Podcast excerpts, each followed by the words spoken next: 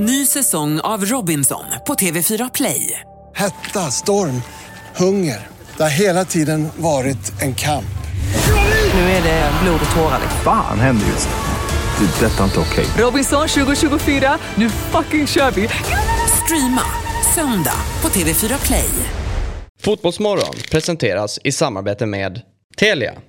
Samla sporten med alla matcher från Uefa Champions League, Allsvenskan, Superettan och SHL i ett paket. ATG. Odds på Premier League, Allsvenskan och all världens fotboll.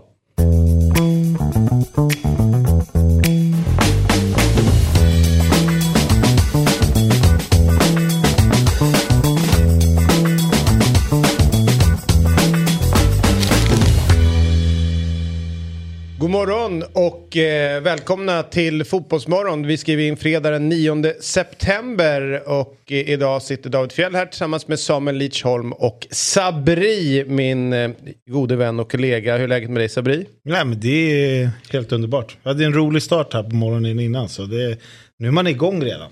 Va, vad var det som var roligt innan? Nej, men dels att du kom och frågade om det inte var mjukisbyxa-tema. Vilket jag inte förstår. Vi är alltså fredagen är de mest välklädda dagarna här på Fotbollsmorgon. Eh, och så frågade jag varför hade mjukisbyxor. Så det, det var också en lite kul eh, story. För då pratade du om att ni, då, ni har städare hemma idag. Och då ville du liksom att alla dina fina kläder skulle tvättas och sådär. Så då tog du på dig gröna mjukisbyxor och lila t-shirt. Ja. Nej men så kan det vara. Om man hade gjort en fultolkning utav det Samuel Lidsholm. Eh, det är ju så att jag, eh, du och jag är väl de enda på Dobb som tränar regelbundet. Ja, men eh, du lite mer än jag. Ja, jag är väl mer en elitsatsande individ än vad du Ja, är. precis. Eh, välkommen hit Samuel Lidsholm. Tack snälla. Eh, känner du till en stad i, eh, jag tror att det är Västergötland som heter Lidköping? Mm. Ska vi kolla på Otto och se om jag fick landskapet rätt, eller hur? Visst blev det det? Landskapet rätt. Väster... Ja. Skaraborg. Eh, vi hade ju med oss Gustav Norlin igår. R. Han spelar fotboll i, eh, i Nej, Göteborg. nej, Göteborg. Göteborg. Han var i Varberg. Ja. Har varit i Skövde AIK också. Mm. Där blev det en liten diskussion. Tydligen om man är från Lidköping så tycker man extremt illa om folk ifrån Linköping. Ja, okej. Och för att de då ska liksom kunna differentiera sig själva från Linköping som är den större staden som ändå har Saab och liksom stora industrier. Det går ganska bra för Linköping. Inte lika bra för Lidköping. Så då har de försökt att liksom komma på någonting. Och då är det att de förkortar sitt stadsnamn Lidköping till Lish. Mm. Och en gång i tiden då så försökte kommunen trycka upp eh, kepsar med Lish. Och för att markera att de ändå inte är liksom fattiga kusiner från landet till, i relation till Linköping. Ja. Så gjorde de dollartecken på s. Är inte det eh, Mäktigt. mäktigt? Är det mäktigt då? Fan, jag, eh, jag vet inte vart tanken, alltså när jag ser den här bilden, det, det känns bara så... eh, Alltså, nu får du ta, tänka bort att liksom objektet som Ja. kanske har kepsen på sig är inte Men representativt caption, för det känns för ju väldigt eh, små, det, det känns ju som något typ Elfsborg skulle kunna ha på sig om de vinner SM-guld. De Ja. trycker upp en sån där rosa där det står Ellos på. Ja, det skulle de kunna göra. Men framför allt så eh, måste man ju ändå tänka på, det här är inte bara en klubb som trycker upp det här. Det här är en kommun, det är en stad som gör sin grej här. det är helt otroligt. Ja. Men eh, det är saker vi får eh, lära oss när vi eh, eh, jobbar tidiga morgnar i Fotbollsmorgon. Och eh, för er som var med igår och sen på eftermiddagen så kanske noterade att eh, drottning Elizabeth gick ur tiden igår, 96 år gammal. Eh, och eh, det ryktas om att detta kommer få konsekvenser även för eh, idrottandet i England. Det har ju utlyst tio dagars landsorg, eller ska göra. Eh, och vi har med oss Frida Fagerlund som är eh, korrespondent eh, i London och jobbar mot Sverige. Och eh, först Frida, god morgon. God morgon David! Det är väldigt tidigt faktiskt. Vi är ju en timme back dessutom här. Men eh, ja, lika bra att komma upp på morgonen. Ja, innan vi går in på lite tråkiga saker som eh, död bland eh, kungligheter. Vet du vilken fotbollsspelare som hade en blogg en gång i tiden som hette just en timme bakom? Eller var det en timme före han var då? Du sysslar alltid med dina quiz, gör du inte det? Sätter Mm. mig alltid på pottan. Jag, jag vet tyvärr inte. Juan Mata. Ah, Han, körde blogg, han bloggade och eh, körde då en eh, med just tidsdifferensen, den här timman. Sen För vet jag- övrigt svensk eh, respektive. har han det? Mm. Vem då? Ja, det vet jag inte. Hon är svensk. Okej. Hon skrev på för Galatasaray igår. Gjorde hon det? Eller Ja, han? han. Okej. Det, ju- det gjorde ju eh, Icardi också. Ja, de har värvat eh, fint och mycket här Ja. på slutet. Låt oss återkomma till eh, Matas eh, svenska flickvän och Galatasaray lite senare. För Frida, eh, det, det här var ju liksom på gång. Redan tidigt på eftermiddagen igår så skickade hovet ut någonting som de aldrig brukar göra. Alltså kommentera hälsan på eh, drottningen. Då kände jag och många med mig, det här är inte bra. Eh, när, eh, när fick du reda på att det var så pass kritiskt? Man såg lite tecken, eller man har sett tecken de senaste dagarna. Vet att eh, BBC, personalen där var klädda i eh, svarta slipsar redan i sitt eh, morgonprogram. Så att det kändes, eller det hängde snarare lite i luften att det här skulle komma. Så att även om det inte var en chock så blir det ju ändå överraskande med tanke på att det inte var så många dagar sedan som eh, Elizabeth som hon hälsade på Liz Truss då, som är ny, eh, ny ledare här i, i Storbritannien också. Eh, men eh, ja, vi, vi har väl alla känt att det här var på väg egentligen det senaste året och hon har varit väldigt bräcklig sen Prins Philip gick bort framför allt. Så att eh, kanske ingen större chock men eh, det blir ju ändå väldigt speciellt med tanke på hur, hur många år hon faktiskt har lett det här landet. Mm. Det är ju helt otroligt egentligen. 15 premiärministrar lyckades hon städa av under sin tid. Eh, första var Churchill och den sista var Liz Truss. Eh, där, liksom, eh, där får hon ihop sin, sin regenttid.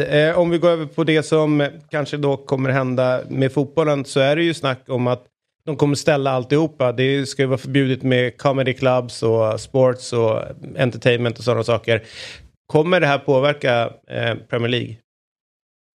Ja, det kommer att påverka.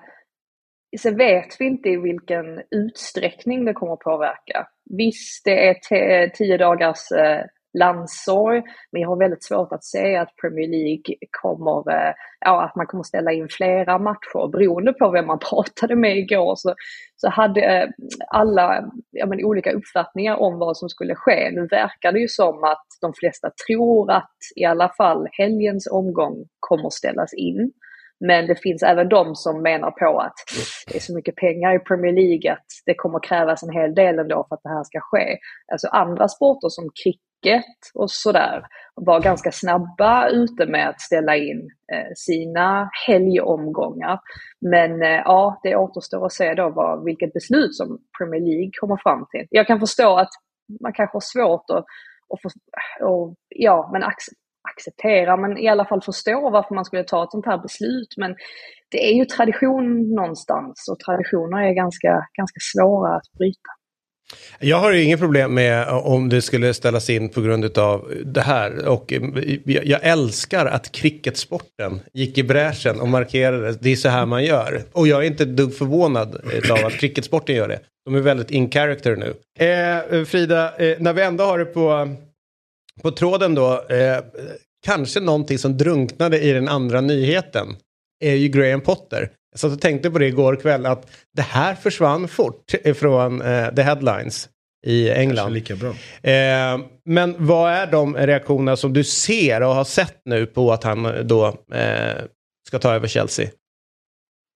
Jag fick ett, eh, jag fick ett litet irriterat mejl från en eh, läsare på, på Aftonbladet då som menade på att vi skrev alldeles för mycket, eller jag skrev alldeles för mycket om Graham Potter och jag pratade alldeles för mycket om honom.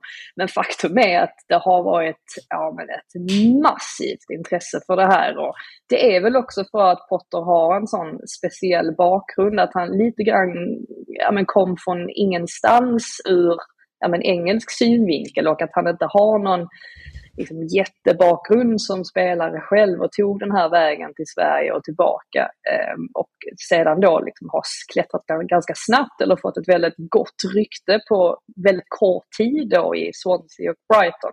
Så att det är en, eh, ja, det är en jättenyhet, inte minst då från att, eh, eller med tanke på att Chelsea ja, men, historiskt sett så har de ju oftast gått på de största namnen och eh, Graham Potter är ju snarare det mest spännande namnet och den mest långsiktiga lösningen. Så att ska bli väldigt spännande att se hur, hur det går för honom men eh, känner mig ändå ganska, ganska lugn i att oavsett hur det går för honom så tror jag inte han kommer skada sitt rykte sådär jättemycket. Han vet förstås att det är stor skillnad på att träna Brighton kontra att träna Chelsea men samtidigt så det är en svår miljö att arbeta i. Alltså det är mycket politik bakom kulisserna.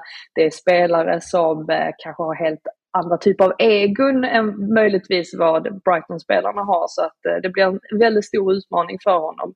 Håller tummarna för att det går bra också. Mm. Eh, senaste gången Chelsea plockade en ung talangfull tränare som de då, nu är inte Potter jätteung, jag tror att han är 47 år. Eh, just så här med att nu ska vi vara långsiktiga och nu tar vi en som liksom har en metod. Vet ni vem det var? Frank Lampard eller? Nej, Vias Boas. Mm. Så det skulle också vara ett långsiktigt projekt. Likt det här. Femårskontrakt där eh, de ska utveckla sitt spel och ge honom tid. Det är vad de säger. Det som kanske liksom eh, eh ligger i vågskålen för att det kanske skulle funka det är ju att ägaren då, eh, Bowley, eh, har LA Dodgers och de gjorde av med en tränare ganska tidigt innan han tog över. Och sen 2016 har den här tränaren suttit på på, på, position, på liksom sin tränarpost, även fast det gått upp och ner så har han varit väldigt så här, det här är vår tränare. Så att det kan ligga i papperna att mm. de har en annan liksom, strategi långsiktigt. Men det de gör är ju väldigt mycket gamla Chelsea in character, alltså sparka tränare. Eh, så här Värva för mycket pengar. Värva för mycket pengar. Men det, den, den köper jag att man gör när man tar över. Det gjorde Abramovic ja, också. Många också. gör det, att, liksom, att man vill gå in och, och, med en smäll. Och det är också givet tycker jag att man på något sätt försöker sätta sin tränare. Men det är konstigt att göra de stora värvningarna först. Eh, ja, och alltså, att han får peka ut spelarna. Problematiken tycker jag inte att man värvar för stora pengar. Det är kanske att man lägger för stora summor på vissa spelare av de man har värvat. Jag tycker inte alla spelare de har värvat för de enorma summorna är värda de enorma summorna. Om man säger så. Man hade Nej. kunnat gjort bättre. Man hade kunnat förhandla bättre om de här spelarna helt enkelt kanske inte lagt ut enorma summor. Men min bild Frida är inte att eh, Bowley har varit så speciellt intresserad av att förhandla likt många andra. Kolla bara det på, på det sättet han försökte köpa Gordon från Everton så var det ju nästan, det blev ju nästan sjukt till slut. De säger så här, vi vill ha 15 miljoner pund. Ja bra, då betalar jag 25. Alltså vet så här, han, det var ungefär som monopolpengar rätt mycket. Liksom, för han är Casadei från eh, Inter var ju samma sak. De säger någon summa, han bara ta 20 med en gång så får vi det här klart. Alltså vet, han har kastat pengar omkring sig på ett sätt som... Som en jänkare gör. Ja men, eh, ja, men precis. Och ger sjuårskontrakt och sånt. Ja men de är, ja, men de är smarta. Det är ju ett, det är ett sätt att komma fram det, runt det finansiella. Att de sprider ut eh, liksom, kostnaden för en spelare över sju år. Eh, sen, sen är inte jag säker på att de kommer ha dem där så länge. Men det är klart att de städar böckerna ganska bra och kommer, det ger utrymme för andra investeringar under tiden. Det är därför de sätter de här jättelånga kontrakten.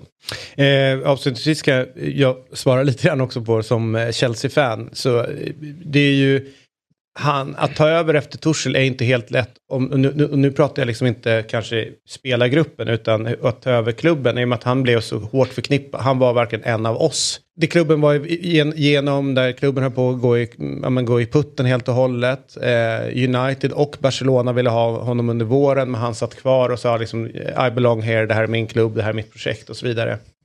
Och sen så tog han ju nya ägarna väldigt under liksom men guida dem lite grann i början. Eh, så att han har ju alltid liksom, han blev ju en symbol för liksom, eh, ja men det genuina att han står för någonting och han, han, han har blivit en, en Chelsea-man.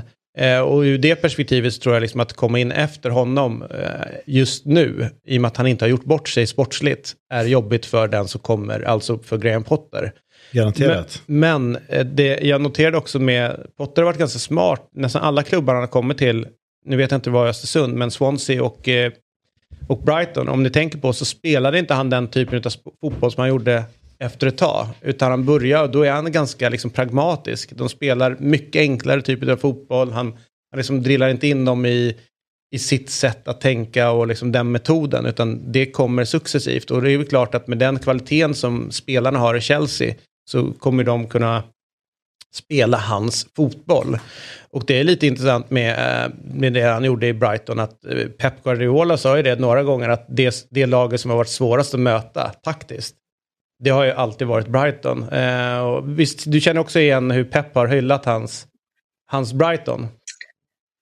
Ja, nej men absolut. Och jag var, för någon månad sedan så var jag uppe i eh, och hälsade på Forest Green Rovers som ju eh, Ian Birchnell tränar mm. numera. Och han är ju en väldigt god vän till Potter och, och eh, tog ju över då Östersund som vi alla minns. Och eh, gör ett väldigt fint arbete i Forest Green Rovers nu för övrigt. Och eh, de skulle ju mötas i ligacupen och jag frågade då, ja men vad har du för plan nu? Du känner ju Potter så himla väl.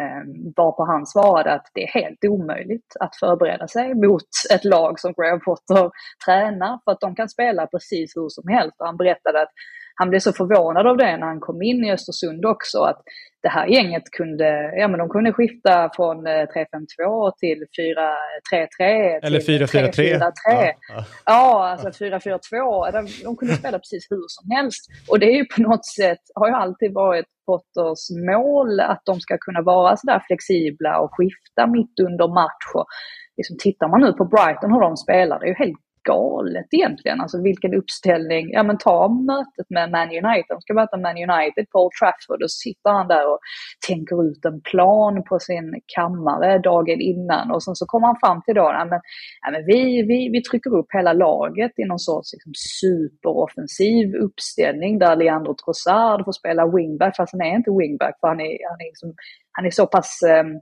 högt uppe i planen och sen så packar vi ihop centralt och så blir det, blir det jättebra, kör vi lite långbollar. Alltså han, har, han sätter en plan för varenda motståndare och han är så himla smart när han gör det och det faller väldigt ofta väl ut också. Så jag håller med just det här att han får liksom bättre spelare att arbeta med nu. Jag, jag, jag tror att det kan bli det kan bli väldigt, väldigt bra, men som sagt, då måste liksom, politiken bakom kulisserna, den måste, liksom, den måste fungera eh, för mm. att han ska kunna lyckas också. Yes. Frida Fagerlund, hon jobbar för Aftonbladet och ett, eh, via, är det via Play? Man säger, eller via satt, via Play tror jag. Via Play. Ja, där som fotbollskorre. Um, har det gått? Detsamma, tack ja. för att jag fick vara med. Tack så mycket. Hej, hej, hej, hej. Alright, eh, där täckte vi lite grann, vi är klara med Chelsea känner jag. Eller, ja, men jag vill bara sticka in ja. lite om Graham Potter och jag är väldigt fascinerad. Sabri vet ju, vi pratade lite innan, han är inte lika eh, Ja men du, du, du är en men Graham jag är ju Potter, verkligen Graham ja. Potter eh, med att jag har spelat med många som har haft honom som tränare. Um, och eh, den enda anledningen till att jag har kollat Brighton de senaste åren är för att han tränar då där.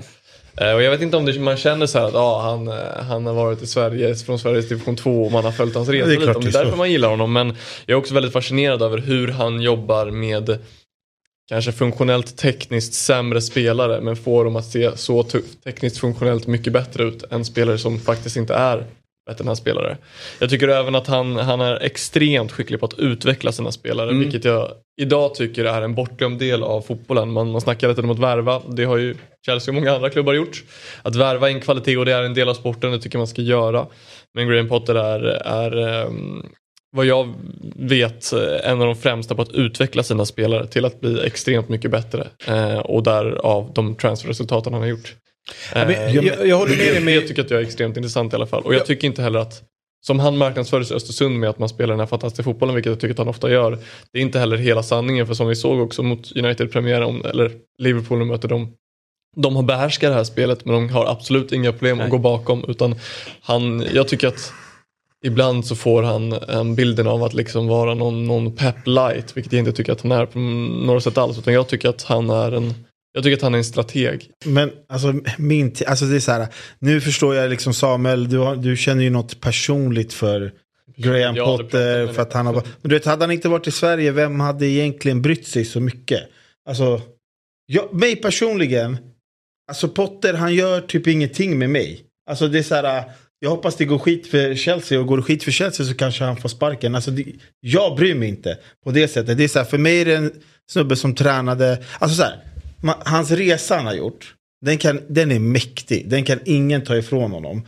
Och det, den resan för mig är en inspiration. Men Potter för mig är inte så här som jag ser typ alla, många på sociala medier och Potter. Han är inte, alltså så här som att det är så här världens svensk som gör någon succé. Alltså jag känner ingenting personligt Men du kan inte se att det finns, du, kan inte se att det finns något häftigt att det är en människa som tar en annan väg in i fotbollseliten. Att, det, att han har an, andra verktyg med sig när han tar över ett fotbollslag. För att han har pluggat andra saker. Han har reagerat på saker inom fotbollen som inte funkar tycker han och vill göra det bättre. Han kommer med ett annat ledarskap.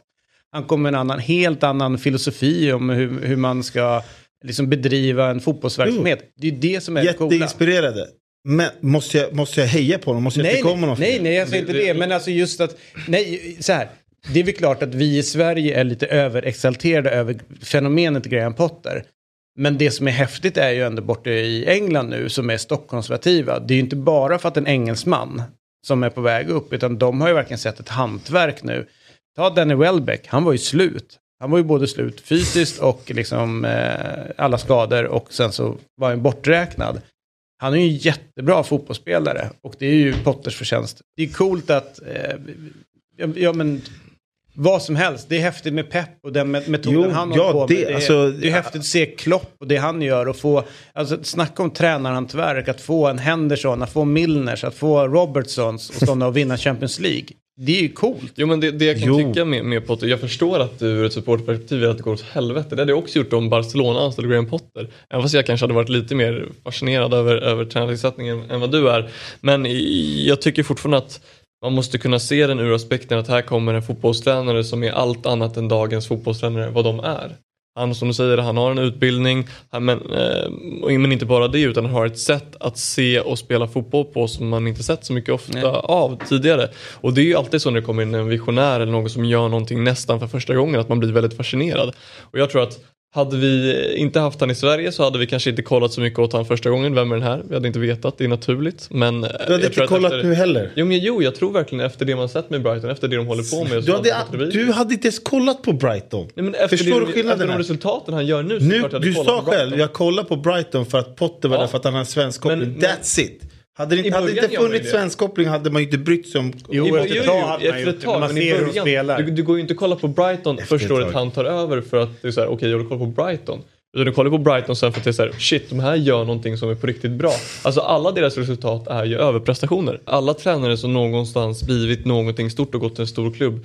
När du började följa dem, typ Klopp i Dortmund eller om du ja, var äldre än vad jag var. Ja, men det är inte var det, äldre, eller än jag var. Samuel, vet du vad jag menar? I Porto. Nu var det här 2004, jag var sju år så jag gjorde inte det. Men, men det är ju för att någon gång du får ny som att okej här händer någonting som inte så ofta händer. Då börjar man följa det oavsett svenskkopplingen eller inte. Det här är bara en ytterligare krydda i såsen som gör att Van Graham Potter är spännande.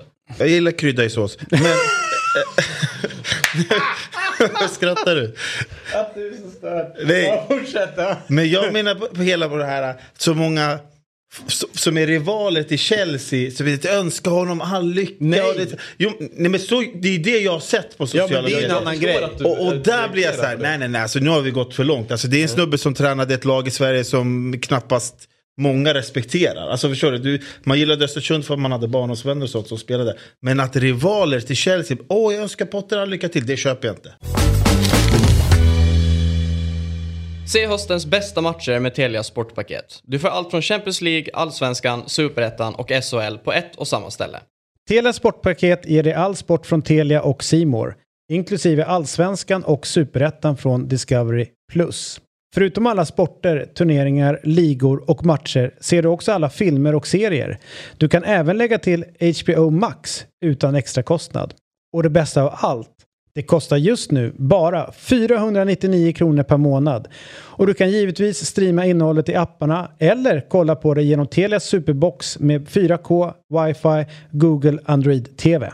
Så, höstens bästa matcher, bara 499 kronor i månaden. Älskar du sport? Skaffa sportpaketet på telia.se sport. Där ser du Champions League, Allsvenskan, Superettan och SHL på ett ställe.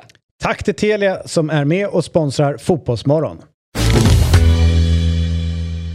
Nu har vi med oss en eh, som jag har fått eh, äran och ni har fått äran att följa under rätt många år. Eh, Framförallt eh, så känner man ju eh, efter den senaste veckans besked här, fan eh, Patrik Karlsson Lagemyr, om det är någon som man önskar och unnar en, en, eh, en resa framåt nu, är det dig. Men du blev skadad igen, hur, hur mår du först? Uh, jag vet inte, det är ni som väcker mig så jävla tidigt på morgonen här nu. Så eh, jag sitter här och eh, kämpar, kämpar på, försöker få igång morgonkaffet. Men annars mår jag ändå helt okej. Patrik, tänk dig då när du känner det här att du är trött och sådär, hur det är för en afrikan att vara uppe vid den här tiden på morgonen så, så ligger du lä. Jag ska ha det i åtanke. Ja, härligt. Så vi kan... Fast han fick ju gå upp själv. Det var ju din städerska som kom upp och väckte dig. Så det är lite skillnad på nivåer. Hon har inte kommit då. Eh, skadan, ska vi börja med det lite trist? Och vad var det som hände i, i, när du skadade dig? Nej, jag kände la typ direkt... Um, direkt när situationen skedde att um, det är någonting som, som inte... Så, här, som, som, inte stä, som inte stämde liksom. Uh, kände att det vek sig och klickade till och uh, hade en förhoppning uppe över att det inte gjorde så ont. Men uh, man kände att det var lite ostabilt de här bitarna. Sen så var det alltid det här att man ska aldrig dra alla slutsatser uh, innan man gjort en röntgen. Men man hade ändå en baktanke hela tiden med tanke på hur med all rutin man har, har haft och, och, så. Så det var ju, var ju skit såklart. Och det är korsband igen eller?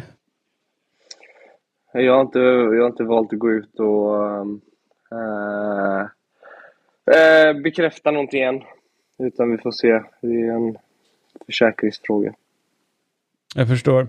Eh, så mentalt eh, när, när det här kommer, eh, och givet liksom det du har gått igenom, hur, hur känns liksom viljan att återigen gå igenom en, en sån här rehabperiod? Finns liksom, ja, finns drivet inom dig att ta igenom det här? Alltså, det är alltid så när det väl händer, eh, med tanke på att det har hänt så ofta för mig, så så kommer man alltid in i liksom en chock i början. Eh, man kommer alltid in i den, eh, i den situationen och det var nästan så, för mig den här gången var det ju mer fokus på okej, okay, nu får vi fixa det här så snabbt som möjligt så att jag, man kan börja med rehab. och det är klart att de här tankarna kommer ju komma under, under mm, alltså resans gång så att säga. Men eh, vi får... Eh, alltså, man får bara hoppas på att man, man hittar glädjen och i förhoppning att kunna orka ta sig tillbaka ännu en gång. Eh, med tanke på att eh, det har man ändå gjort de andra gångerna. Sen så vill man ju ändå liksom försöka göra allting i sin makt.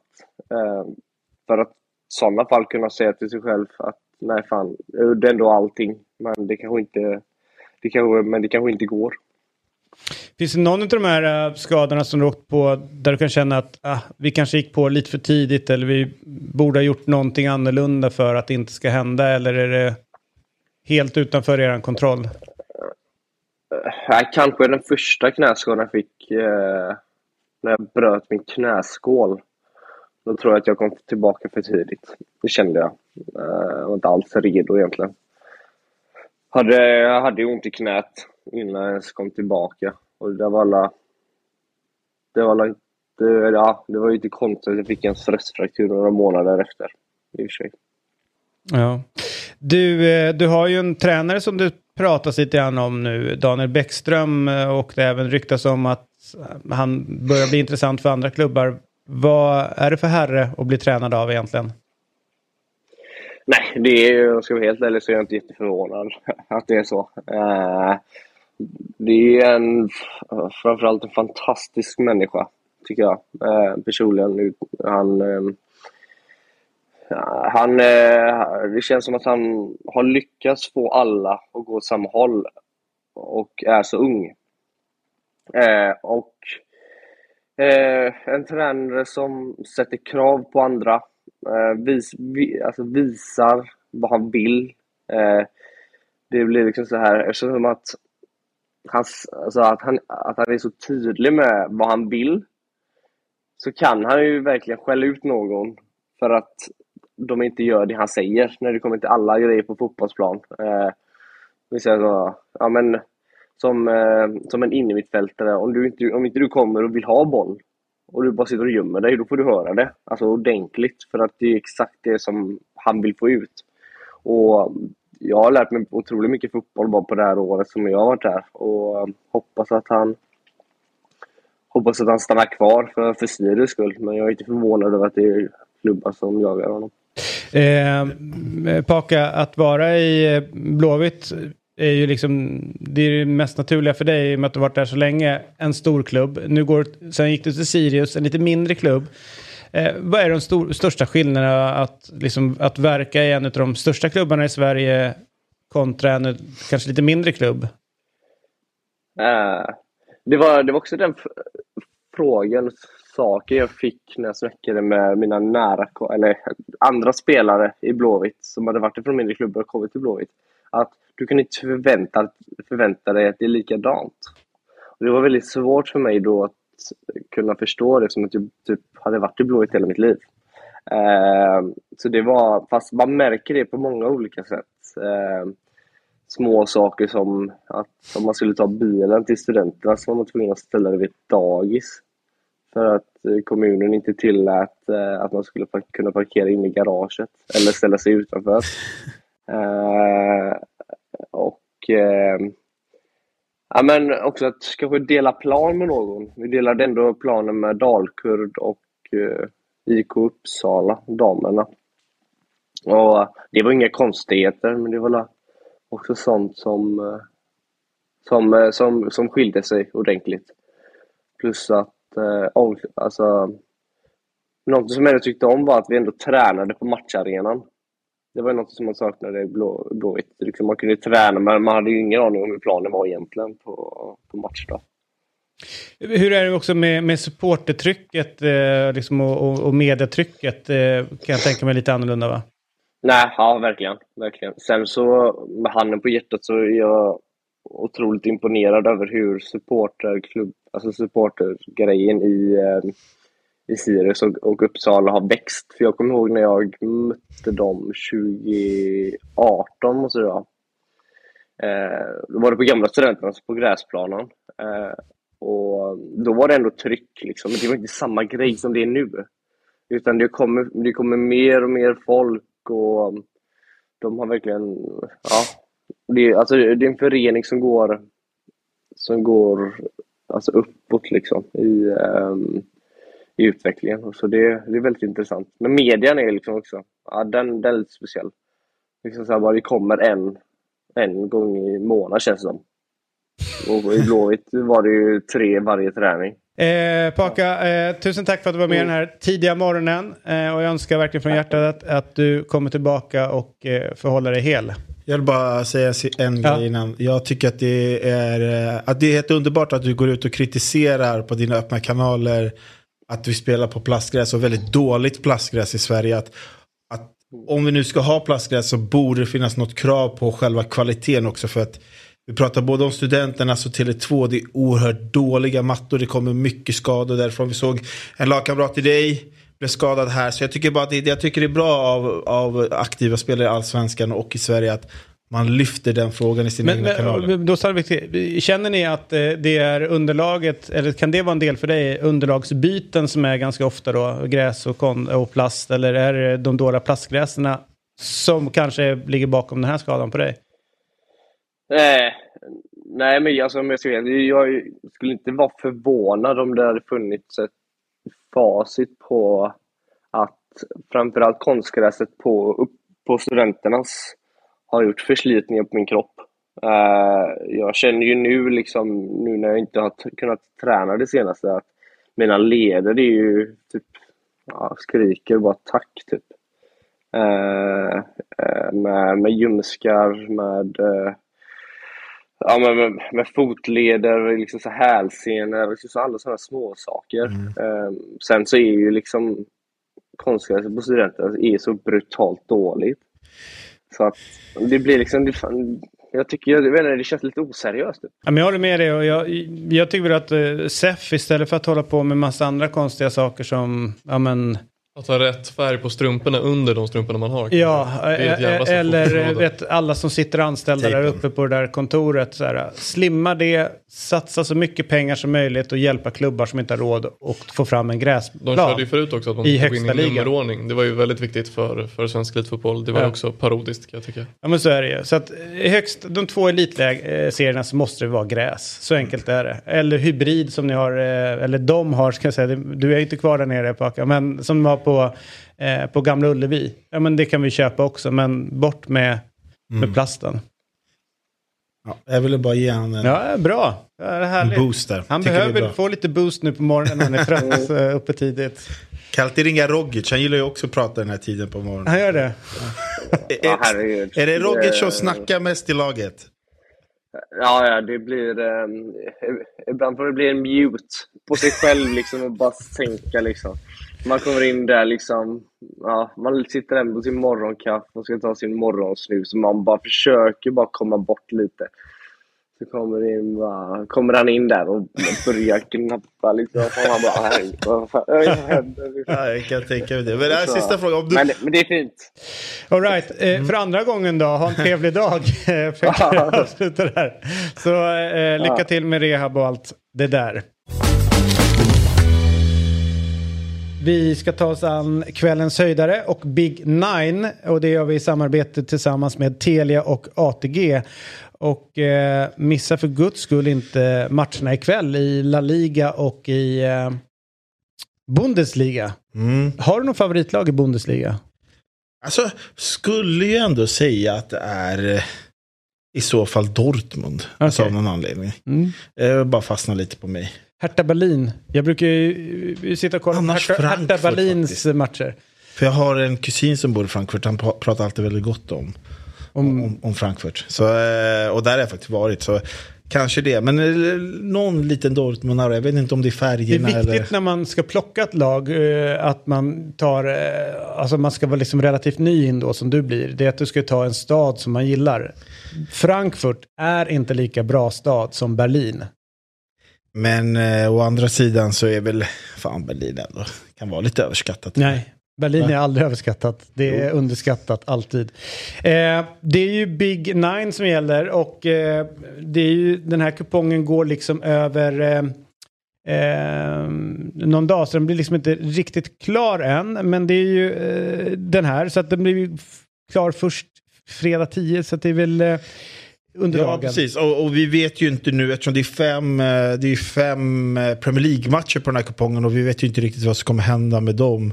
Eh, så är det lite svårt att, att, att liksom analysera, eftersom vi ser, det ser ju ut som att med högst sannolikhet att de här matcherna inte kommer att att spelas och då vet jag faktiskt inte, jag har inget, jag har inget svar på vad Big Nine gör. Det finns ju italienska, tyska. Ja, det, om man skulle byta ut det. Men det finns ju också möjligheter, tänker jag, som back in the day, att, att det lottas resultaten. För då lägger man ju då fördelning utifrån Mm. Ja, procent just- som var ja, innan. den- den delen den skulle ju kunna bli lite tråkigt, men det skulle, det skulle väl vara den första gången Big Nine lottas, alltså de flesta matcherna lottas på Big Nine. Det är väl de sex första där som eh, i så fall skulle lottas, de som är till, till helgen. Men vi kommer återkomma eh, till det här eh, i Eurotalk Weekend.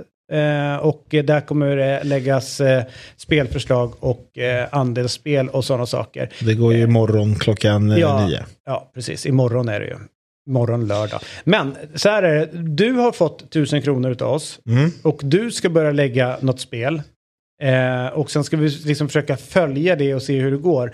Det har gått sådär för Myggan. Även fast Myggan är i grunden bra så har haft en tuff start. Så nu ska vi se liksom när vi möter eh, Sabri mot Myggan när de ställs mot varandra med den här tusen, tusenlappen. Du hör ju på namnet Myggan. Alltså han har ingen chans mot mig. Nej, Men- såklart. Ja. 10% är det utav den totala som du lägger in, så idag är det en hundring. Mm. Hur lägger du den? Nej, men, eh, det- för jag, tog, jag gillar ju Premier League, eh, för de som inte visste det. Så jag drog ut eh, först en trippel därifrån och så såg vi det som hände och att det kanske inte skulle spela. Och på grund då av att vi... Eh, på grund av att eh, Premier League kanske ställs in i helgen så gjorde jag en svensk eh, trippel. Right. Som jag kände att eh, nej men den, här, den här kan jag stå för. Den här kommer gå in. Hur ser den ut? Det är i match nummer ett, är det Sirius mot Värnamo. Och där spelar jag Värnamo göra över ett och ett halvt mål. Jag tror att det kommer bli en målrik match. Jag tror att Värnamo eh, kommer kunna få in både Är inte det här ett en och två liten mål. skräll? Värnamo borta, Sirius Det hemma. är just bara den individuellt ger 2,65 i odds. Och, eh, så som jag ser på Värnamo, jag vet att Sirius ändå är ganska bra defensivt, men det här är en match som Sirius möter inte Djurgården där man kan vara nöjda med en pinne. Sirius måste vinna den här matchen.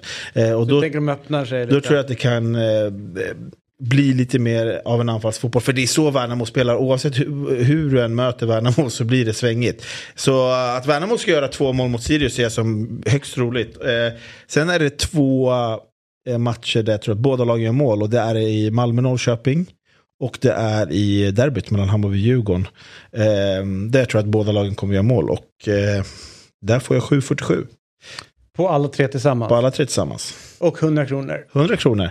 Så du får, tillbaks, du får ut en 100 700 på det där alltså. Ja. Ja, perfekt. Alltså men det, det, det, eftersom jag ska, nu möter jag ju någon.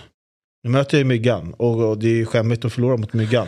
Så, så jag tänker att jag går på lite mer safe men inte liksom treåtsare. Men jag ska, jag ska ligga mellan 5 och 7, 5 och 7, 5 och 7, 5 och 7. Och så kan, om inte myggan sätter en 100-åtsare då kommer han ju aldrig komma ikapp. Så det här är min strategi för, för det. För att vinna. Mm. Snyggt. Eh, jag ska bara säga det innan vi avslutar. Om du upplever att du har problem med ditt spelande Mm. eh, så är det stödlinjen.se som gäller och du måste vara över 18 år för att lägga de här spelen.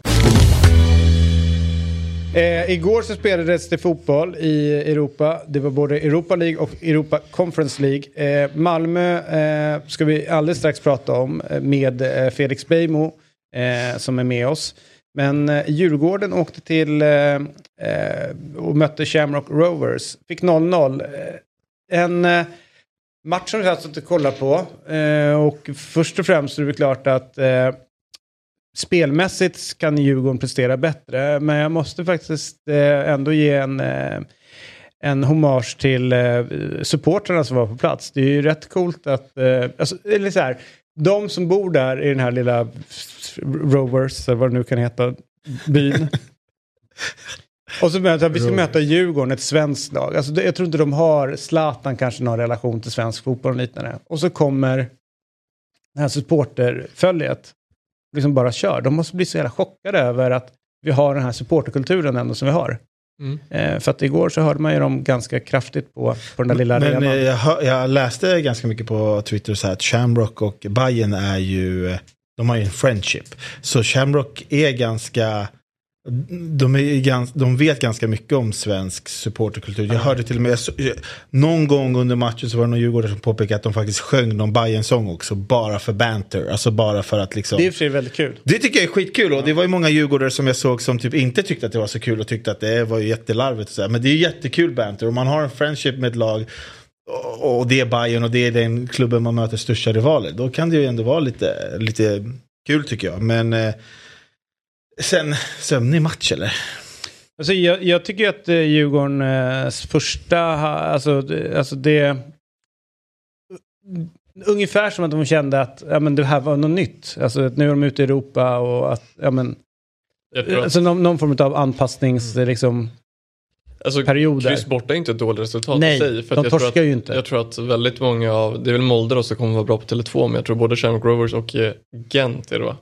Mm, Genk. eller Genk. Någon av dem. Någon utav dem. Kommer också få det ganska svårt Ja. på, på Tele2s plastmatta som vi pratade om innan. Eh, jag var på Djurgårdens Europakvalmatcher där på Tele2 eh, för att kolla fotboll. Och, eh, Det är de, här lagen, ja, de här lagen som kom dit var ju extremt dåliga på Tele2 Mm. allihopa. Han från Eh, och, så som- såg man, och så såg man bortamatcherna där de kunde spela fotboll. Så att, eh, jag tror att eh, det kommer bli, kan Djurgården ta två, kanske till och med tre hemmasegrar, då är de ju redan vidare i gruppen. Så att ett kryss borta tror jag att rent strategiskt är ett bra resultat om Djurgården ska gå vidare i gruppen. har väldigt svårt att tro eh, att de här Shamrock Rovers-spelarna kommer hantera den här plastmattan på ett bra sätt. De kommer väl göra som Apoel Forden, gå in med skruvdobb och tänka Ah. vad fan är det för skit?" Såg du det där? Ja. Men alltså... Hörru, han gick in med skruvdobb på... Ja, han han skruvdobb bytte ju på skor Tele2s, eh, plastmatta och... Och eh, man får inte ha skruv då på konst. Fick byta så. Förstå ovetskapen då. Alltså, de har ingen kunskap liksom, om själva konstgräset. Men jag tyckte till exempel, för jag kollade både Malmö och Djurgården, hade på lite andra matcher i bakgrunden. Det, är här, det är ändå, jag tror att de var väldigt nöjda med ett kryss överlag. Sådär. Men man såg ju, man, man, man förstod också att det är ett derby som stundar i helgen. Mot liksom Hammarby ligger trea, Djurgården ligger tvåa. Eh, SM-guldet är inom räckhåll och eh, det tyckte jag man såg lite på bytena liksom, när man gjorde liksom ett man gjorde fyra eller tre eller fyra byten i 60 minuter. Då gick Findell, Asoro, Eriksson och jag tror Pierre Bengtsson också av. Alltså det är fyra som man vet, de här kommer ju starta derbyt. Där någonstans kanske man är lite nöjd med krysset då, då mot Schönblock. För det är alltid svårt tror jag, det kan man se på AIK, Djurgården, Bayern överlag, att matchen innan ett derby, vi såg liksom Bayern, de kollapsade helt mot Norrköping. Men de, det, jag, jag tror att det är lite en mental grej att man har det där derbyt. Man vill inte skada sig, man vill inte ta ett onödigt kort, man vill inte slita ut sig för mycket. Och det, det kanske låter konstigt, men jag tror att det ligger lite psykologiskt i, i spelarnas huvud när det stundar ett stort derby. Mm, ja men efter. absolut, det tror jag absolut att det gör. Men sen är det ju också det här med belastning. Jag tänkte att vi idag skulle kanske försöka få med oss en, en någon form av fystränare. Just nu att köra då torsdag, flyga hem, eh, sen har det då lördag och sen match söndag. Alltså hur man gör för att, eh, ja men med återhämtningen. För, Du tränar ju mest på dobb, så vi kanske borde skicka dig då. Ja, precis. Ja, men jag är väl den enda som tränar varje dag. Eh, det gör inte ens Samuel Lidsholm. Det gör jag nog inte. Nej. Men det, eftersom vi ska prata med Beijmo, det ska bli faktiskt en rolig fråga att ställa honom. Att han ändå varit ute i Europa ett par gånger. Vi ska prata med honom lite senare. Hur liksom det här, för det är mycket surr om liksom att det är... Freshness. Ja. Det roliga, vi hade ju, ehm, eh, jag säger Samuel Alvente- så heter han inte, det är Anton Seletrus, eh, var ju med och han sa ju att i Norge pratar de inte en enda gång sedan han kom dit om freshness.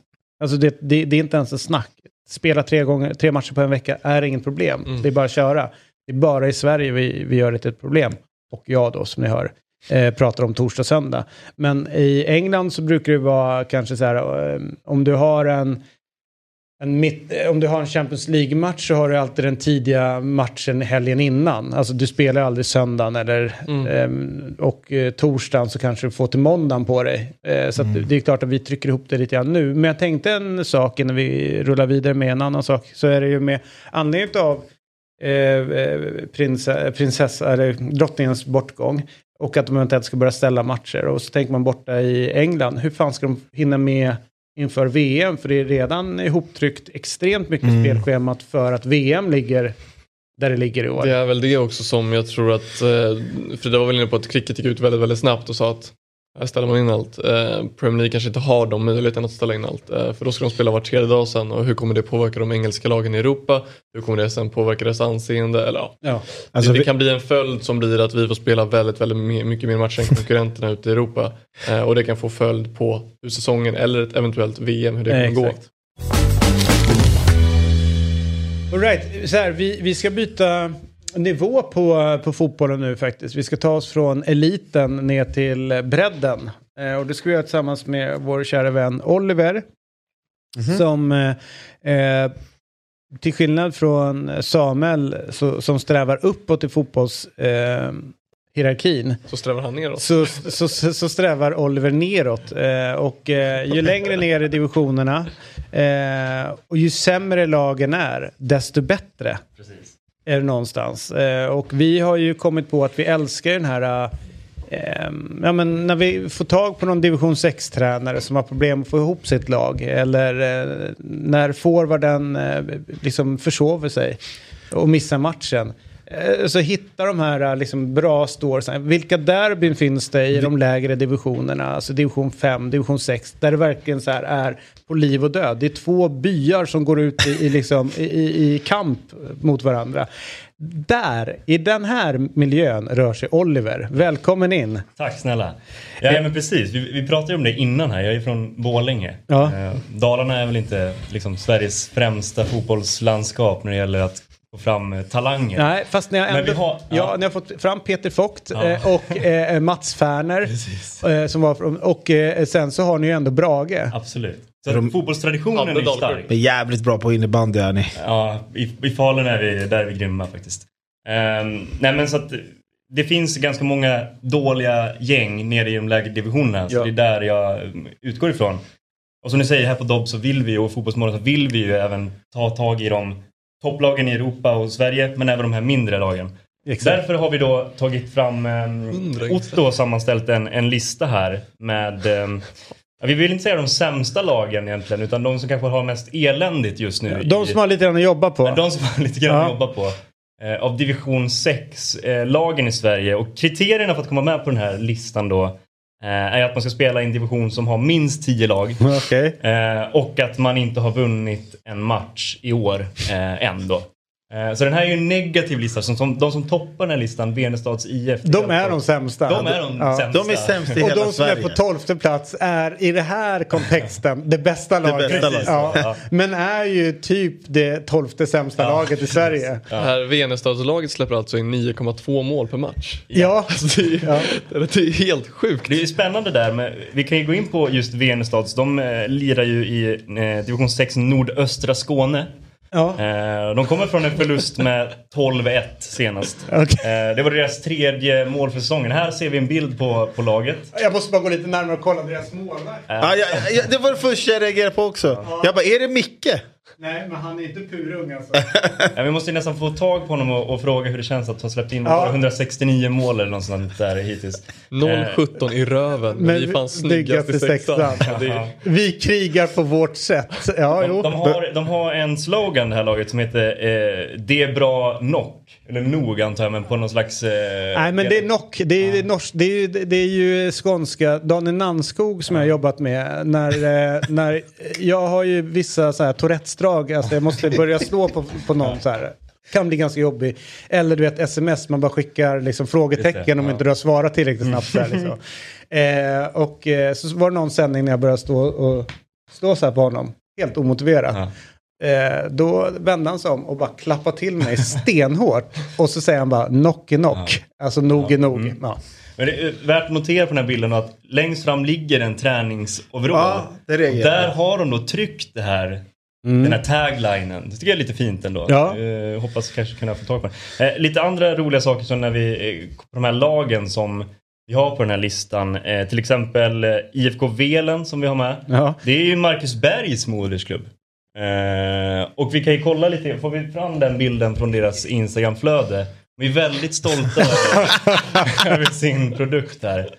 Vi ser ett flöde på nio bilder så är väl Mackan med på ja men fem stycken av dem. Ja, de är väldigt nöjda med Mackan. Alltså jag gillar att de, de då ändå drar in så här, glad påsk och sen är det fyra bilder på Mackanberg. Sen bara, tipspromenad lördag den 16 oktober mellan 12.30 och 14.00. Ja. Och sen så någon omotiverad bild på någon, någon Ljuslykta. lykta, ljuslykta. Men det är ändå Marcus Berg som är...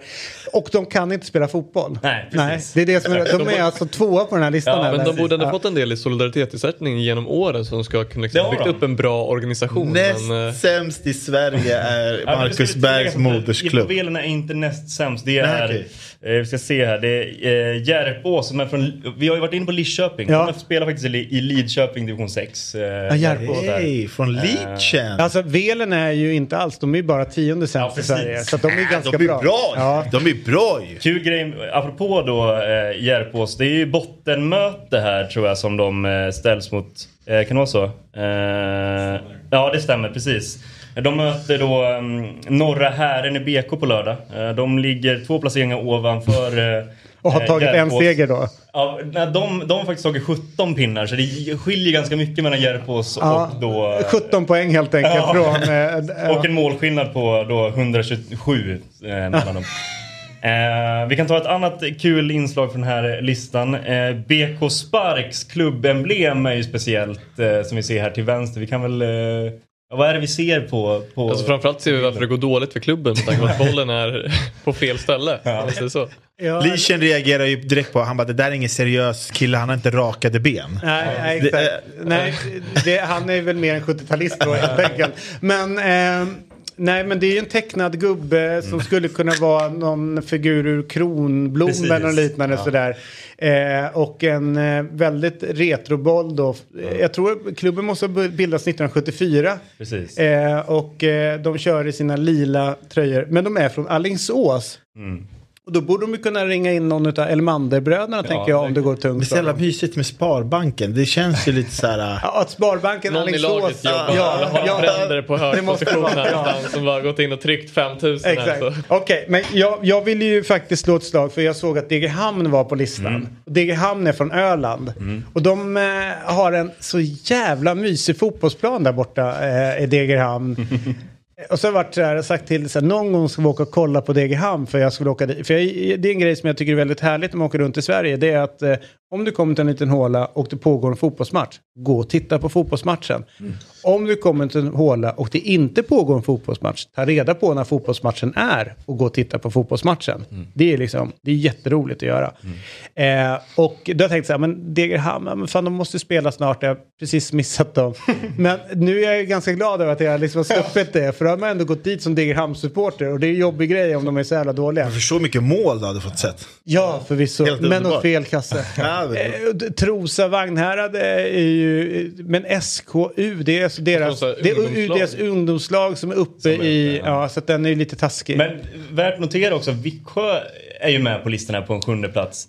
Herrarna. Herrarna, precis. För damerna spelar ju allsvenskan. Ja, precis. Där, där märker man ju att talangen i byn föll hos damerna inte hos herrarna. Men jag gillar ju ändå att herrarna vill och försöker. Ja, verkligen. Verkligen. Ja. verkligen. De har en tydlig plan. Ja, de har tydlig plan. Alltså Ja. hade, hade Akropolis fått fo- fortsätta lira i tvåan då hade ju de varit med på den här listan. Jag menar, de, de torskade sin första match med 41 42-0 mot Stocksund. Var de med i Akropolis då eller? Nej men vi, ska, vi borde ta hit någon av de där lokala bagarna som ändå var med och bara hur var den här matchen? Men de ställde upp, alltså, vad, vad, vad var det som De hände där? mäklare och restaurangägare och sånt där. De hade inga spelare och fick eh, tvångsregistrera. Eller tvångs, Alltså, de det fick var ju liksom expressregistrera för massa pengar, spelare. Det Och så- fanns ju någon förhoppning av att de skulle kunna lösa vissa bitar och fortfarande kunna vara ett registrerat lag och så vidare. Men a- att lämna VO i division 2 kostar ju typ 2 eller 300 000 så eh, de, bara, de ringde ju bara ihop. Alltså, att, om vi brukar säga snittålder i lag kan vara högt, alltså snittvikten eh, som var på det där laget i Akropolis, eh, det, var, det måste ju lägga Men på en en- 42 mål, är, alltså, det, det är ju svårt att... det är typ att, Ja men det är ju så varannan minut så är det en kasse typ. Och då ska, då ska det vara, eh, det är ändå avspark, Alltså- det tar ju tid liksom att plocka ut bollen i mål, gå upp och lägga den, Du domaren måste ska få igång aktivt det. vilja vara dålig Ja. för att förlora så mycket. L, L, ja, vi måste precis. bjuda hit någon och fråga vad Men sen fan de de var det som mötte, hände? Stocksund måste man säga, ah, Stocksund, Stocksund leder väl tror jag nu den division 2-serien men de har också väldigt många unga. Jag tror de kanske var väldigt motiverade att så här, göra avtryck första jo men matchen. 42 mål. Ja men då blir det ju en tävling. Jag tror någon gjorde 10 kassar och så här ledde skytteligan. Sen när Akropolis vet, drog sig ur så hade han ju minus 10 kassar. Nej, direkt. Måste bara flika in när du ändå är inne på medelålder. För att det, det är en liten kul detalj om vi ändå går tillbaka till Venestads IF som då toppar den här eh, tabellen igen. Sämsta. Ja, precis. Jag gjorde lite research inför. De, gjorde, de har presenterat sig själva på sin eh, laget.se-sida eller vad den heter. Ehm, där de berättar om att Venestad ligger strax utanför Kristianstad tror jag att det var. Eh, det är 42 man i truppen. Eh, I en liten by som innehåller eh, drygt, eh, ja, men jag tror det var 86 medborgare eller någonting sånt där. Så att ungefär 50 procent utav. Precis så, Ja. är med i laget. Ja, men det är och härligt. eh, medelåldern i den byn är ju över 60 år. Så att det är ju starkt ändå att de har fått ihop ett lag och, eh, från första början. Vi har ju ett lag med 57 pers i, vårt, i vår trupp. Och, eh, Snittålder på. Ja, men det är så roligt för att om det är två eller tre år sedan så var vi det laget i, i alltså svenska seriesystemet som hade högst medelålder. Eh, Men eh, vi är också det laget som hade flest allsvenska matcher till start. Eh, fast inte, inte i samma match då. Eh, så att det, det är ju roligt med de här stora trupperna och eh, fra, jag tror att Venestad eh, lider samma problem som vi gör. Att helt plötsligt så får man inte ihop folk till en match. vi, bara, vi är 57 pers i truppen. Hur kan vi inte få, få ihop 11 personer? Ja, det är det är helt enormt. Och då är det också med 11 personer då, då ska de orka. Jag 90 minuter. orkar. Så att 11 personer är ju bara för att slippa VO. Sen är det alltid så här, men kom igen vi behöver två, tre till. För att man vet att vi Rullande behöver, byten. ja, behöver Ja. byta. Exakt. Men om jag då ska tipsa innan jag rullar ut här igen och vi ska få in eh, Felix Bergmo. ehm, kanske helgens match kanske vissa vill få det till att det är ju derby på söndag till exempel. Eh, Var då någonstans? eh, ja men ja, Stockholmsderby. Jaha, ja. Men jag vill, ju- jag vill slå slag för att den stora matchen i helgen kommer ju bli eh, Films eh, SK som ligger trea på den här listan. De eh, möter då serieledarna i division 6 östra Eh, Gimo IF. Ja, uttalas med Gimo faktiskt. Gimo ja, visst. Det ligger i Uppland. eh, Uppland. Uppland? Ja, norra Uppland. Ja. Films, jag är free transfer, jag kan åka snabbt. Ja, ja. David Sundins hemstad. Ja, Ja, du ser. En riktig Men skojarlag. Gimo då har ju vunnit samtliga sina matcher hittills. Mm. Eh, samtidigt som Films SK har förlorat samtliga matcher. Så där skulle det kunna bli en härlig skalp på Björkparken i Österby. En riktig nagelbitare med andra ord. Ja, precis. Att, eh, vi, vi får ju se. Det kanske är så att Films SK tar sig ur den här serien, eller den här tabellen, till nästa gång vi kommer tillbaka till den. För som vi var inne på, för att kvalificera sig hit så måste man ju ha förlorat samtliga matcher på säsongen. och om man då är historiskt intresserad så i Österbybruk Mm. eh, så är det ju då eh, alltså, vallonerna som dök upp på 1600-talet och eh, familjen De Geer så har ju de Ja. sitt bruk där. Så det finns ju både eh, om man vill kolla på svensk eh, brukshistoria och även eh, om man vill fika så finns det ett fint eh, eh, café där uppe i Österbybruk. Så ta er dit på söndag. Ja, det blir kanon. Ja. Alltså, det är mäktigt. Och sista... Va? Det är mäktigt. jag älskar ju fika också. Så, jag, Du tar en stor chokladboll innan match. Så det så kan jag alltid hoppa in om någon blir skadad i Films. Och om man är intresserad av eh, kärnkraft så är det inte långt därifrån Nej, upp till precis. Forsmark. Så att det är bara att fortsätta. Så till slut då eh, ville man ju bara sträcka ut en hand till er där hemma att om ni har några historier eller några matcher där framöver i de här uh, gärdsgårdsserierna som ni vill att vi uppmärksammar så är det ju bara att höra av sig till oss på Twitter eller, eller Instagram. Ja, absolut. Eh, Och framförallt så här, heta rivalmöten, bra historier, saker som händer. Alltså, Mm. Ja. vad, vad finns det där ute i, liksom, i fotbollssverige som vi... Och, och vi ringer gärna upp. Jätte. Vi skickar gärna ner Otto. han, han, han är bra, för han är från Lisch. Så han, Han är förstår från hur Lisch, det är, han är på, från Lisch. eh, eh, ute på landsbygden. Så tänker man ändå så här, man vill ändå höra vem, vem är, för Venestad har gjort tre baljer. Ja. Vem är målisen de har gjort mål på? Det måste ju vara... det Senaste målskytten var Mattias Hagman. Han kanske vi kan se om han Ja. löser in lite mål. Har han en målgest undrar jag? Det. Ja, allt det vill man Alla, alla de är målgester. Alltså, övade hemma. Och sen får ju BK Spark jättegärna skicka sin eh, magiska tröja hit som vi kanske kan hänga upp i studion om det är möjligt. V- Vilken var det? Ja, men det var Det den var där... Sparbank. Ja, det var Sparbank. Sparbanken. Ja, precis.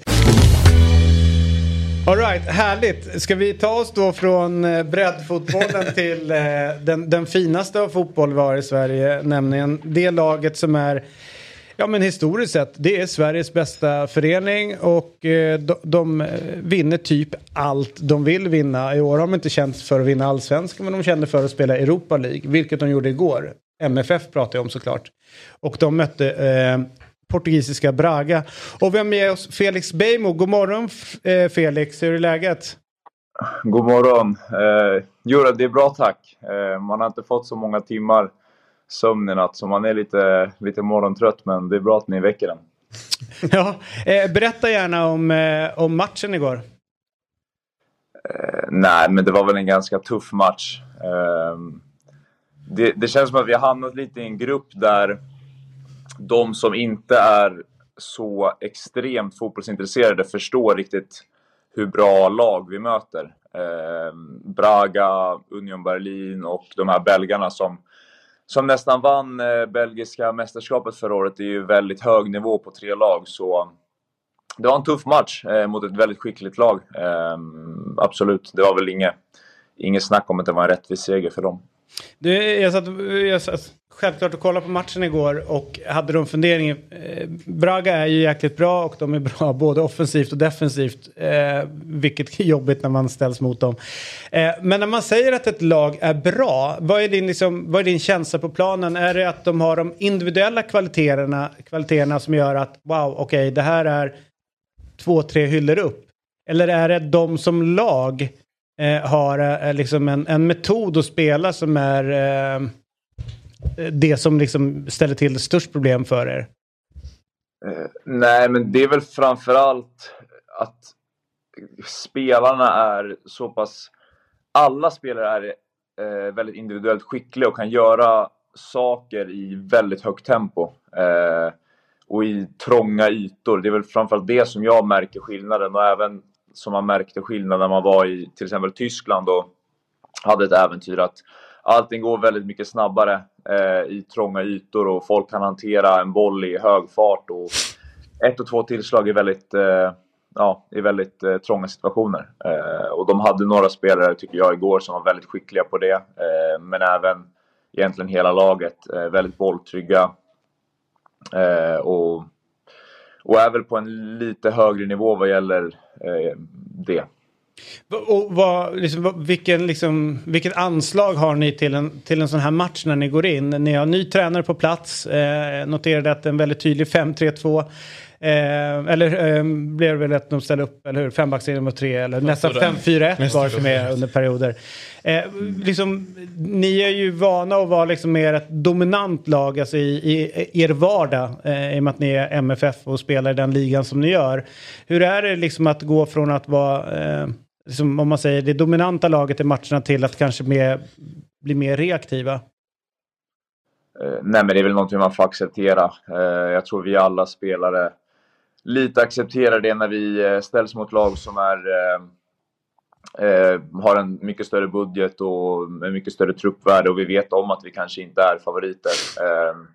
Och man är med i den här, när man är med i den här turneringen så vill man såklart det är klart man vill stå för bra prestationer, men vi, vi vill ju också åstadkomma någonting resultatmässigt. Ehm, och eh, den största möjligheten att göra det kanske är att vara lite mer cyniska i vissa lägen och spela ett lite mer defensivt spel och det har ofta fungerat för Malmö FF eh, genom åren i Europa. Eh, så det är någonting som man, man förstår att man kanske behöver göra.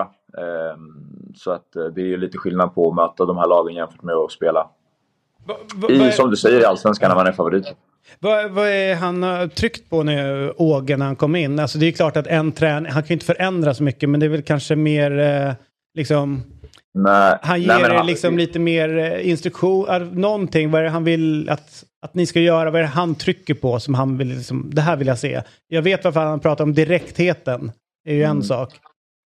Ja, nej men verkligen. Och, nej men det är klart, vi, han bytte ju spelsystem direkt, eh, så det var en sak. Eh, lite skillnad där. Och sen, eh, så jag menar, även om vi inte spelade någon, någon fantastisk eh, fotboll igår och vi fick inte med oss resultatet vi ville så kände jag personligen att eh, det fanns en, en glöd eh, och en liten en hunger som vi inte har riktigt haft i, i laget eh, på senaste tiden.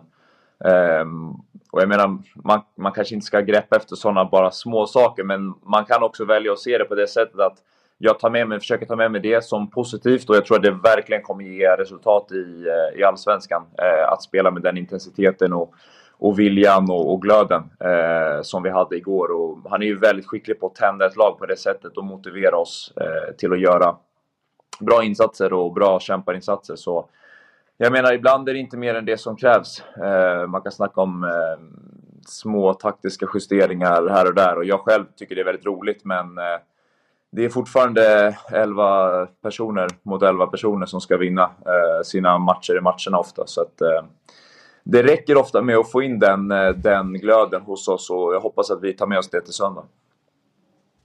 Nej, men jag tänkte på, tjena Felix förresten. Eh, tänkte just på det med, med allsvenskan. Alltså det, trots att man liksom kanske inte helt har känt igen er under säsongen och kanske att, för ni har, liksom, ni har fått byta tränare och så har det kommit in någon annan och det har funnits sådana problem. Och att, men jag tänker att trots det så är det, det är sex poäng till topp tre, det är elva poäng till Häcken och ni har fyra av de lagen som ligger före er kvar. Alltså nu när Hareide kommer in, hur, hur stort fokus har han lagt på att, vet du vad, Malmö, vi ska komma topp tre i allsvenskan och samtidigt kunna hålla en nivå i, i Europa. Jag tänker så här, har, har det varit mycket fokus att okej, vi gör det här, det vi kan i Europa, men nu måste vi sätta fokus allsvenskan där vi liksom, nu är det Norrköping i helgen, sen har ni ju liksom Djurgården kvar, Häcken kvar, Hammarby kvar. De har lite i egna händer liksom att ändå kunna plocka den där topp tre-platsen. Eh, nej, men det är, det är en bra fråga för eh, det är ganska uttalat eh, skulle jag säga från, från klubben att vi, vi måste komma topp tre i Allsvenskan. Det, det är ju det är någonstans basen för att få spela de här matcherna som igår. Eh, Tar vi oss inte till topp tre så sätter man sig själv i en väldigt svår situation och blir tvungen att vinna kuppen eh, som vi har gjort en gång på över 30 år nu i, i MFFs historia. Så det kanske man inte kan räkna med att vi ska göra varje år. Eh, så det är ju verkligen huvudmålet, att komma topp tre i Allsvenskan den här, den här hösten. För att få spela i Europa nästa år också, vilket är en väldigt stor del av, eh, av klubbens DNA att vara med och tävla i Europa och någonting alla spelare också eh, vill vara. Hur mycket utvecklas ni utav att spela mm, de här eh, Europamatcherna? Liksom, eh, känner man liksom att ja, men det, här, det här ger mig en utveckling? De här matcherna är bra för min karriär? Absolut, eh, nej men det känner man verkligen. Eh, dels eh, för oss som lag så känner vi ju att det är här vi får chansen att mäta oss med en lite högre nivå och se hur bra vi faktiskt kan vara. Ehm, och sen även individuellt känna på, okej okay, men är jag redo för den här nivån? klarar jag det? Håller jag den här nivån? Ehm, så det är ju, det blir ju lite så här, jag tänkte på det när man när man spelar de här matcherna igår, när man står där på line-upen så hör man musiken och, och, och, den där flaggan i mitten. Nu var det inte Champions League som var förra året, men det var ändå Europa League. Jag menar, det är ändå någonting man, man drömde om när man var liten eh, och började spela fotboll. Så det blir ju lite, lite häftigt på det sättet att se att okej, okay, men nu är jag här. Är jag, är jag tillräckligt bra för att vara här eller har jag bara drömt om det här men jag är inte redo? Eh, så att det, det är klart att det blir som ett eh, litet test eh, för både oss som lag och, och individuellt. Eh, sen så skulle jag säga att lite beroende på hur du... Så här, om du bara är där för att utvecklas som lag och bli bättre, alltså på det sättet så kanske man har en lite annan approach än om du är där för att just idag få ett resultat. Och det är det är en svår mm. balansgång. Och hur tycker ni att ni, ni agerar? Nej men, så här, igår kanske vi var där lite mer för att få ett resultat. Skulle vi försöka utveckla oss maximalt eh, så eh, kanske det finns lite andra sätt att, att gå tillväga. Jag tycker att både Glimt gör fantastiskt eh, eh, jobb där eh, när det kommer till att verkligen visa att eh, även ett, ett litet lag från eh, Skandinavien kan, kan hävda sig på men de har också en tydlighet i, i det de gör. Alltså att det, det, känns som att de inte ändrar så mycket när de kliver in i ett Europa League-spel. Utan de, de fortsätter på sin, på sin modell som de har kört på ganska länge. Det jag tänker för er som blir lite jobbigt med rätt många tränarbyten. Och jag, jag lägger mig egentligen inte i anledning till det. Utan bara konstaterar att ni har bytt tränare rätt många gånger som kommer in med sina metoder. Som du sa nu, nu kommer Åge, Åge in och, och ändrar liksom sättet hur ni ställer upp jag tänker att det liksom, det borde...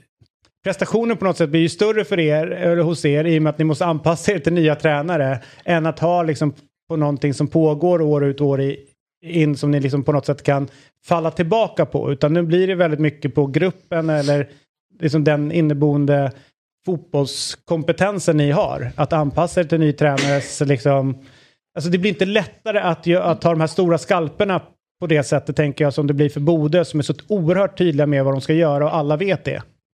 Nej men det är klart, det är som du säger. Det blir, det blir ju så när man byter tränare och Åge har en dag på sig. Alltså vad, vad ska han göra liksom? Ja, han kan exakt. Göra så, vi, vi hade 60 minuter på, på planen eh, på stadion dagen innan match. Alltså that's it. Och sen kan vi ha något teorimöte och sådär. Man kan ju heller inte hålla oss på åtta teorimöten dagar innan match. Det, det funkar ju inte. Nej. Um, ja. ja men så är det. Men eh, som du var inne på, fokus allsvenskan, fokus att hitta den här topp tre-platsen som är inom räckhåll.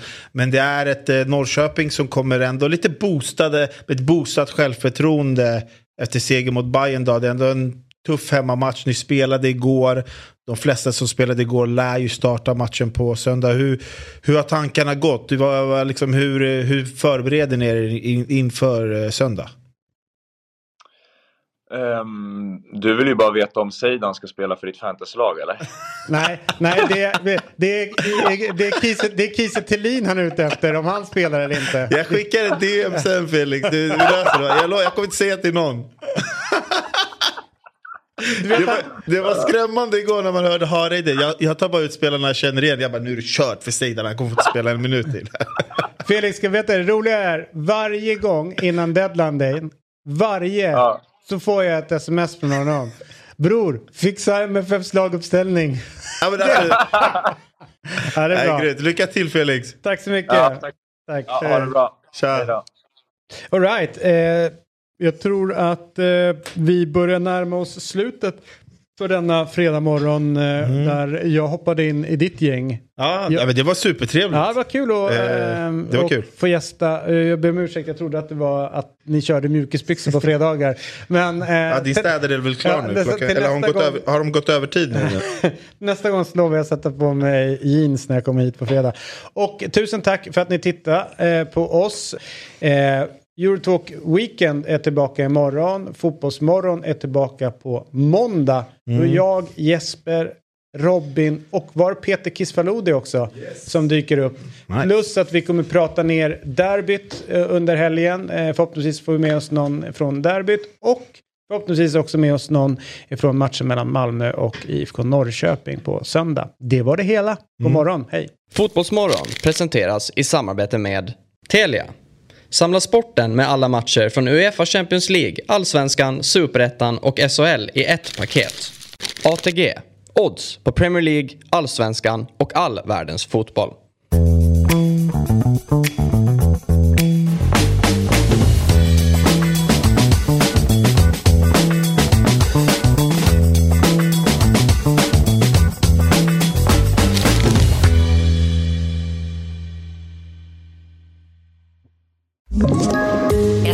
Poddtips från Podplay.